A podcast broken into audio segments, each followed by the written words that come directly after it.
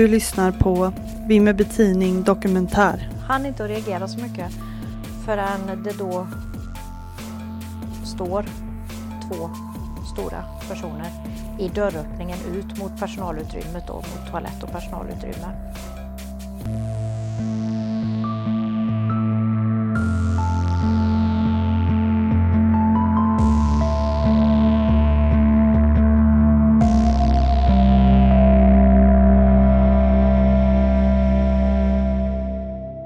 Bankrånet i Vimmerby. Del 2. Det är dagen innan midsommarafton.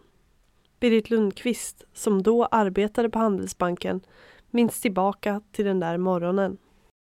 Det var ju en vanlig dag. Jag var och lämnade barnen på fritids. Planen var ju att åka till jobbet och göra de timmar man ska och sen eh, åka hem så fort som möjligt för vi skulle dra vidare till västkusten och fira midsommar. Vid åtta tiden kliver hon in på bankkontoret och drar igång med de vanliga sysslorna för att öppna tillsammans med en kollega. De plockar fram material och öppnar valv.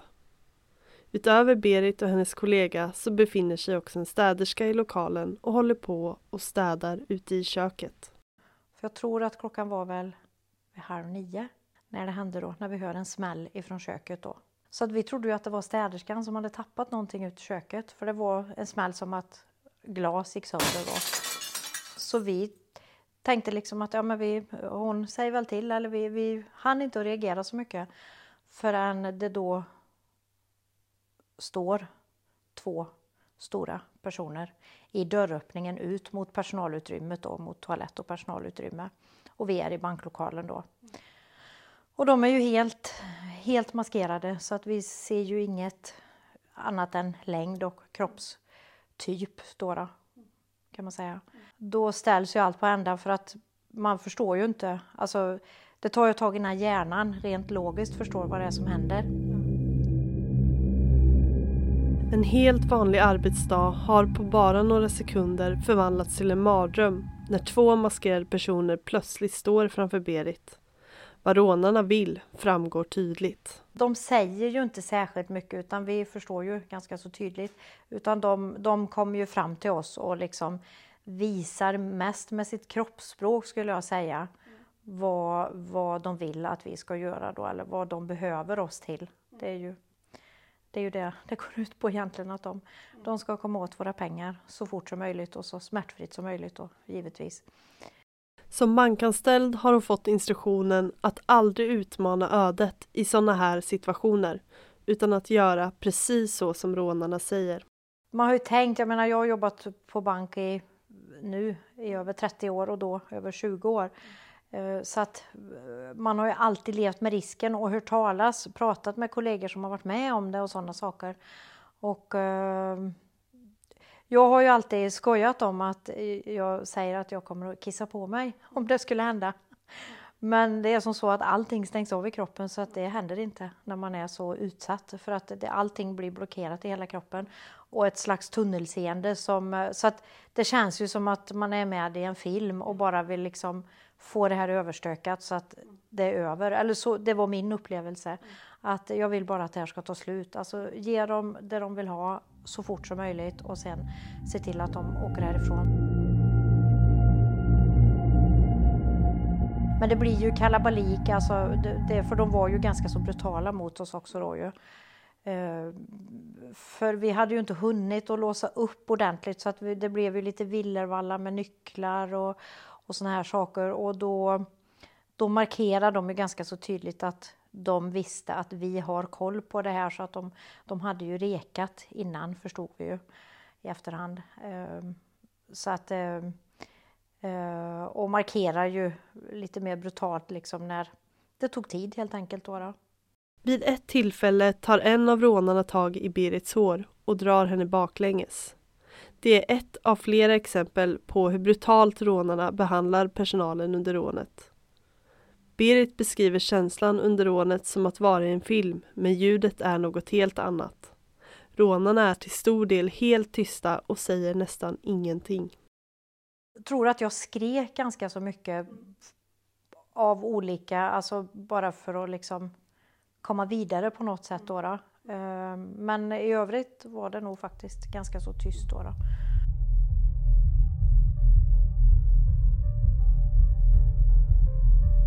Rånarna har med sig både vapen och andra redskap som de använder sig av för att få sin vilja fram.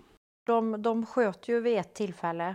Ehm, de slog ju omkring oss med eh, diverse redskap som de hade med sig då för att markera då liksom att, att de menar allvar också då.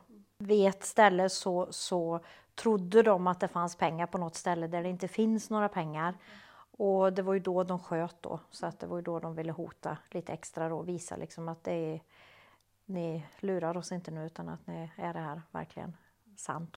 Att det rörde sig om erfarna bankrånare som visste vad de gjorde och dessutom varit på plats och rekat innan stod snabbt klart för Berit. Då visste de nog att det inte fanns mer att hämta skulle jag säga. Så att de, de var ju väl förberedda, är min upplevelse. De hade helt klart för sig exakt vad de, vad de, vad de skulle göra in hos oss. Då, då. Så att eh, när de var klara med det de bedömde, då stack de alltså. Så att, och gick ut samma väg då som de hade kommit in då.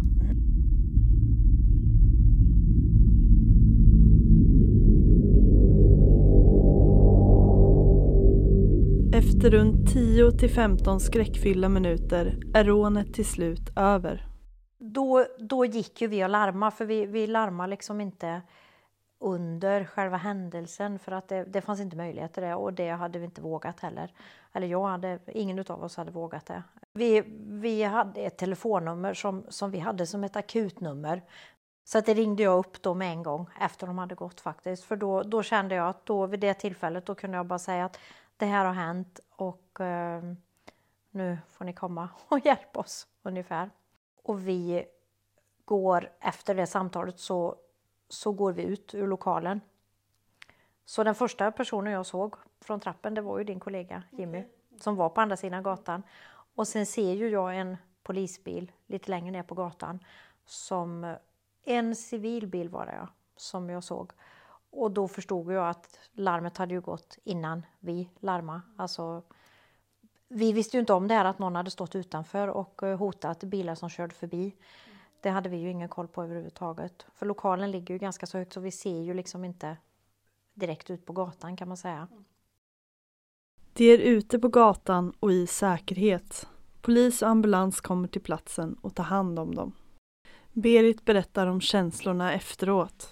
Ja men då, alltså det, det är ju så, det är så overkligt allting då. Nej men det, jag, jag kände ganska så snart efter att jag hade, jag hade ett starkt behov av att prata om det. Jag kände liksom att för varje gång jag liksom pratade om det så kände jag att det lättade lite inuti mig då. Ja men på något sätt bearbeta och, och få hjärnan att förstå tror jag för att göra det verkligt för att det, det, är så jäkla overkligt när man är med om det så att bara det tar ett tag liksom att fatta vad det är man har varit med om. Och på något sätt så kände väl jag att ju mer jag pratar om det desto mer verkligt blir det för mig också då. Så vi satt och pratade och pratade och pratade och alla kollegor vår semesterperiod hade ju börjat så att hälften av kollegorna hade ju gått på semester men vi, de kallades in då så att vi satt alla samlade då eh, hela dagen faktiskt. Och, och det kom ju personal ifrån banken också då som, som eh, hjälpt hjälpte oss och vi fick alltså 110 procent hjälp ifrån alla inblandade parter. Så att jag kände mig väldigt trygg. Efter, jag, jag kände att jag tror att den bästa bearbetningen för mig det var att efter de hade, hade stuckit så var jag så himla lättad att vi mådde bra allihopa. Så att det var nog ett stort steg i min, alltså i mitt, alltså hjälp efteråt också då, då, eller hantering av det efteråt då. Berit har varit öppen och pratat med många i sin omgivning om det hon varit med om det var för min egen skull jag gjorde det, för jag kände liksom att ja, men det hjälper mig att prata om det för att då, då känns det faktiskt bättre mm. efteråt. Att det, det finns ingen anledning utan så här är det. Det, det, det finns, inget, finns ingen anledning att hymla med det utan att det är bättre liksom att vara ärlig och säga att det är så här otäckt och skrämmande var det. Mm. så att, men det gick bra. Det var liksom knutpunkten i det på något sätt också. Då, då. Vissa dagar, det är ju alltid så när man är med om något jobbigt att vissa dagar vill man prata och andra dagar vill man inte prata. Så är det ju. Och efter ett tag så har det passerat så mycket tid att ja, men det händer andra grejer. Och sen är det ju faktiskt så, en månad efter denna händelsen hände ju det här fruktansvärda på Utöja i Norge. Och då kändes det faktiskt ganska så, jag ska inte säga banalt, men alltså att satt i, i liksom det perspektivet då, då, ja men återigen så himla glad för att det gick bra allting. För där gick det ju verkligen inte bra. Bara några dagar efter rånet så öppnade banken igen. Man har ju liksom uh, hade ju kunskap om det, alltså de som jobbar med, med säkerhetsfrågor och sådana saker, att det är ju bra om man försöker så fort som möjligt. Så att eh, jag tror att vi bara hade stängt en eller max två dagar. Och sen eh, hade vi öppet, men vi skrev liksom information i lokalen och, och, och talade om liksom att, att eh, alltså av hänsyn till oss då att, att, eh, att det här har hänt och att det, det är kanske ingen normal verksamhet men ändå en verksamhet då, då som försöker att fortgå. Eh, för livet fortsätter ju alltså att, och verksamheten givetvis fortsätter. Det här har man ju förstått, det är ju sånt man kanske inte har tänkt på tidigare att alla äger ju sin egen händelse på något sätt och att de som gick förbi eller liksom de är ju också påverkade men på ett annat sätt än vi som liksom var mitt i händelsen. Men det är ju lika dramatiskt och traumatiskt för, för andra inblandade också ju. Jag minns någon, någon personal på, på fritids som sa då att ja, men du lämnar ju barnen i morse och allting var som vanligt. Ja, det var det då. Berit berättar om hur det kändes att kliva in på arbetsplatsen igen. Nej men alltså jag, jag hade, alltså jag tyckte att det var okej okay att komma tillbaks faktiskt. Jag, jag hade så många andra minnen ifrån lokalen som vägde över så att för det var det jag också försökte intala mig för jag hade väl jobbat där i ja men en fem, sex år kanske dessförinnan. Um, och jag bestämde mig ganska så och, och, fick ju hjälp till att liksom bestämma det också att det här ska liksom inte få ta överhanden ifrån ett jobb som jag älskar och liksom en arbetsplats och arbetskamrater som man tycker jättemycket om. Att det, det, det ska liksom inte få förstöra detta. Så att jag försökte nog liksom i mitt mindset på något sätt då och tänka så. Det, ja, det gick bra faktiskt. Så att det, så för det, det som är vanligt har jag hört sen i efterhand det är ju just det här med ljuden då, att man kan reagera på, på direkta ljud och kraftiga ljud. Och, att det kan trigga igång då, alltså i hjärnan då, att om man hör, säg det här glas, eh, när de äh, smällde rutan då, då alltså, och glassplitter och sådana saker då, att det kan liksom framkalla, att man blir rädd liksom när man hör det. Nu är jag ganska så rädd för höga ljud redan innan så att men jag, jag kände nog faktiskt ingen skillnad i utan um, det, det, nej, men det var, det var helt okej okay att komma tillbaka. Och, och alla, alla var så underbara och liksom kunder som kom in. Och, ja, men alla, alltså, man omges med så mycket kärlek. Mm. att alla, det, det, finns några då, de här som besökte oss då, äh, rånarna, som inte ville oss väl då. Mm. Och det, det, jag tror också att jag visste ju att det var inte mig de var ute efter, det var ju liksom våra pengar. Och det på något sätt kunde jag skilja på liksom i efterbearbetningen också att det var ju inte mig de ville något illa utan det var liksom att jag var ju ett verktyg för dem att, att få fram det de ville ha då. då.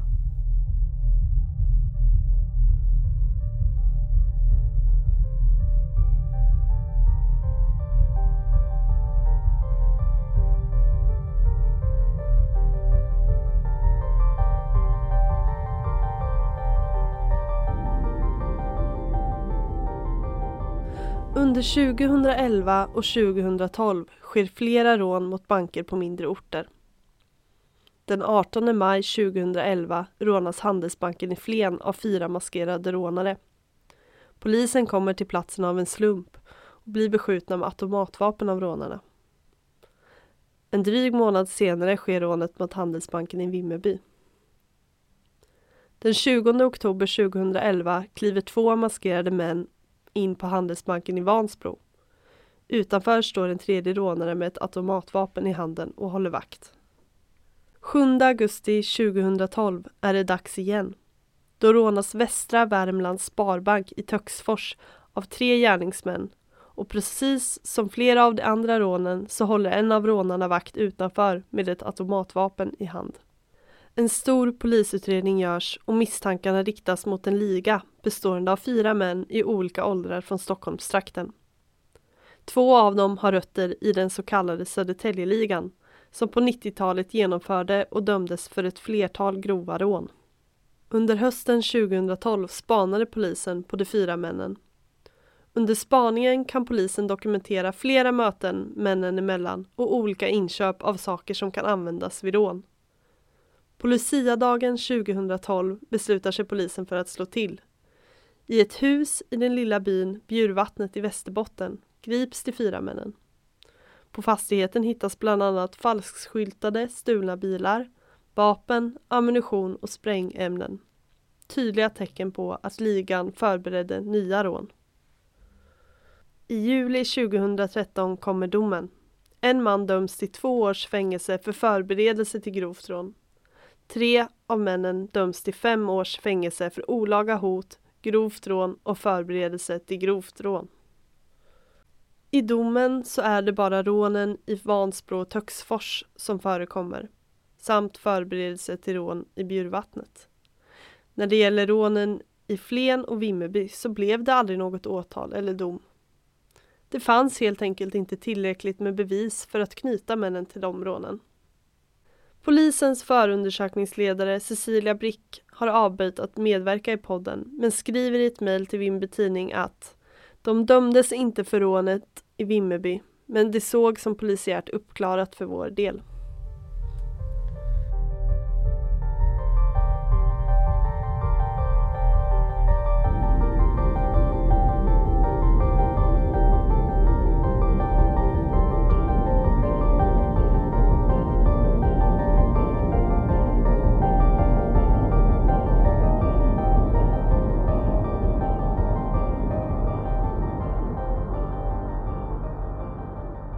Vi återvänder till Berit. Men det är en fördel att bo i en liten stad, alltså att det, man har ju en trygghet mm. när det händer sådana här grejer. Alltså att då, då, då är det ingen nackdel att bo på en mindre ort utan att man, man blir väl omhändertagen på så många olika sätt. Alltså. Jag fick ju uppsöka um, vårdcentraler eller hälsocentraler om det var på midsommarafton då. Ja. Eh, för det var, jag kände väl lite att, för jag, jag fick en sån här knyck med, som kunde bli en whiplash skada när han slet tag i mig då. Och så ringde jag till 1177 och bara kollade om jag kanske skulle ändå söka för det, att de kollar det i alla fall då. då. Och, och, det var ju liksom när man kom till hälsocentralen, nu var det ju en helgdag också då. Det måste ha varit midsommarafton det här då så var det ju liksom, ja man blev väldigt väl omhändertagen och, och nej var det du som var med? Och, mm. ja, ja, så var det. Så att, eh, men det är bra nu. så nej, så att man känner liksom, nej men så mycket värme som strömmar emot en då. då. Det, det är ju ändå härligt att det är så. Flera år har passerat sedan den där junimorgonen.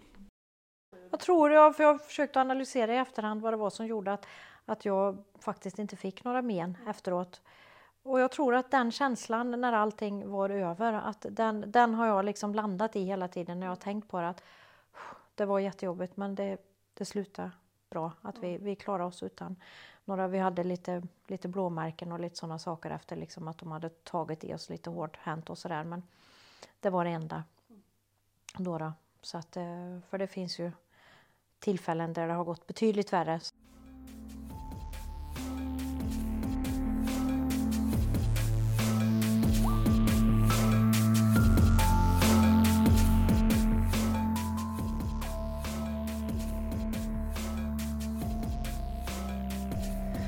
Du har lyssnat på Vimmerby Tidning Dokumentär Bankrånet i Vimmerby. Det här avsnittet har gjorts av mig, Sofia Olsson. Utöver de intervjuer som Vimmerby Tidning gjort har information hämtats ur polisens förundersökningar och Vimmerby Tidnings arkiv. Andra källor som används är Aftonbladet, Katrineholmskuriren och Eskilstunas-Kuriren. Alltså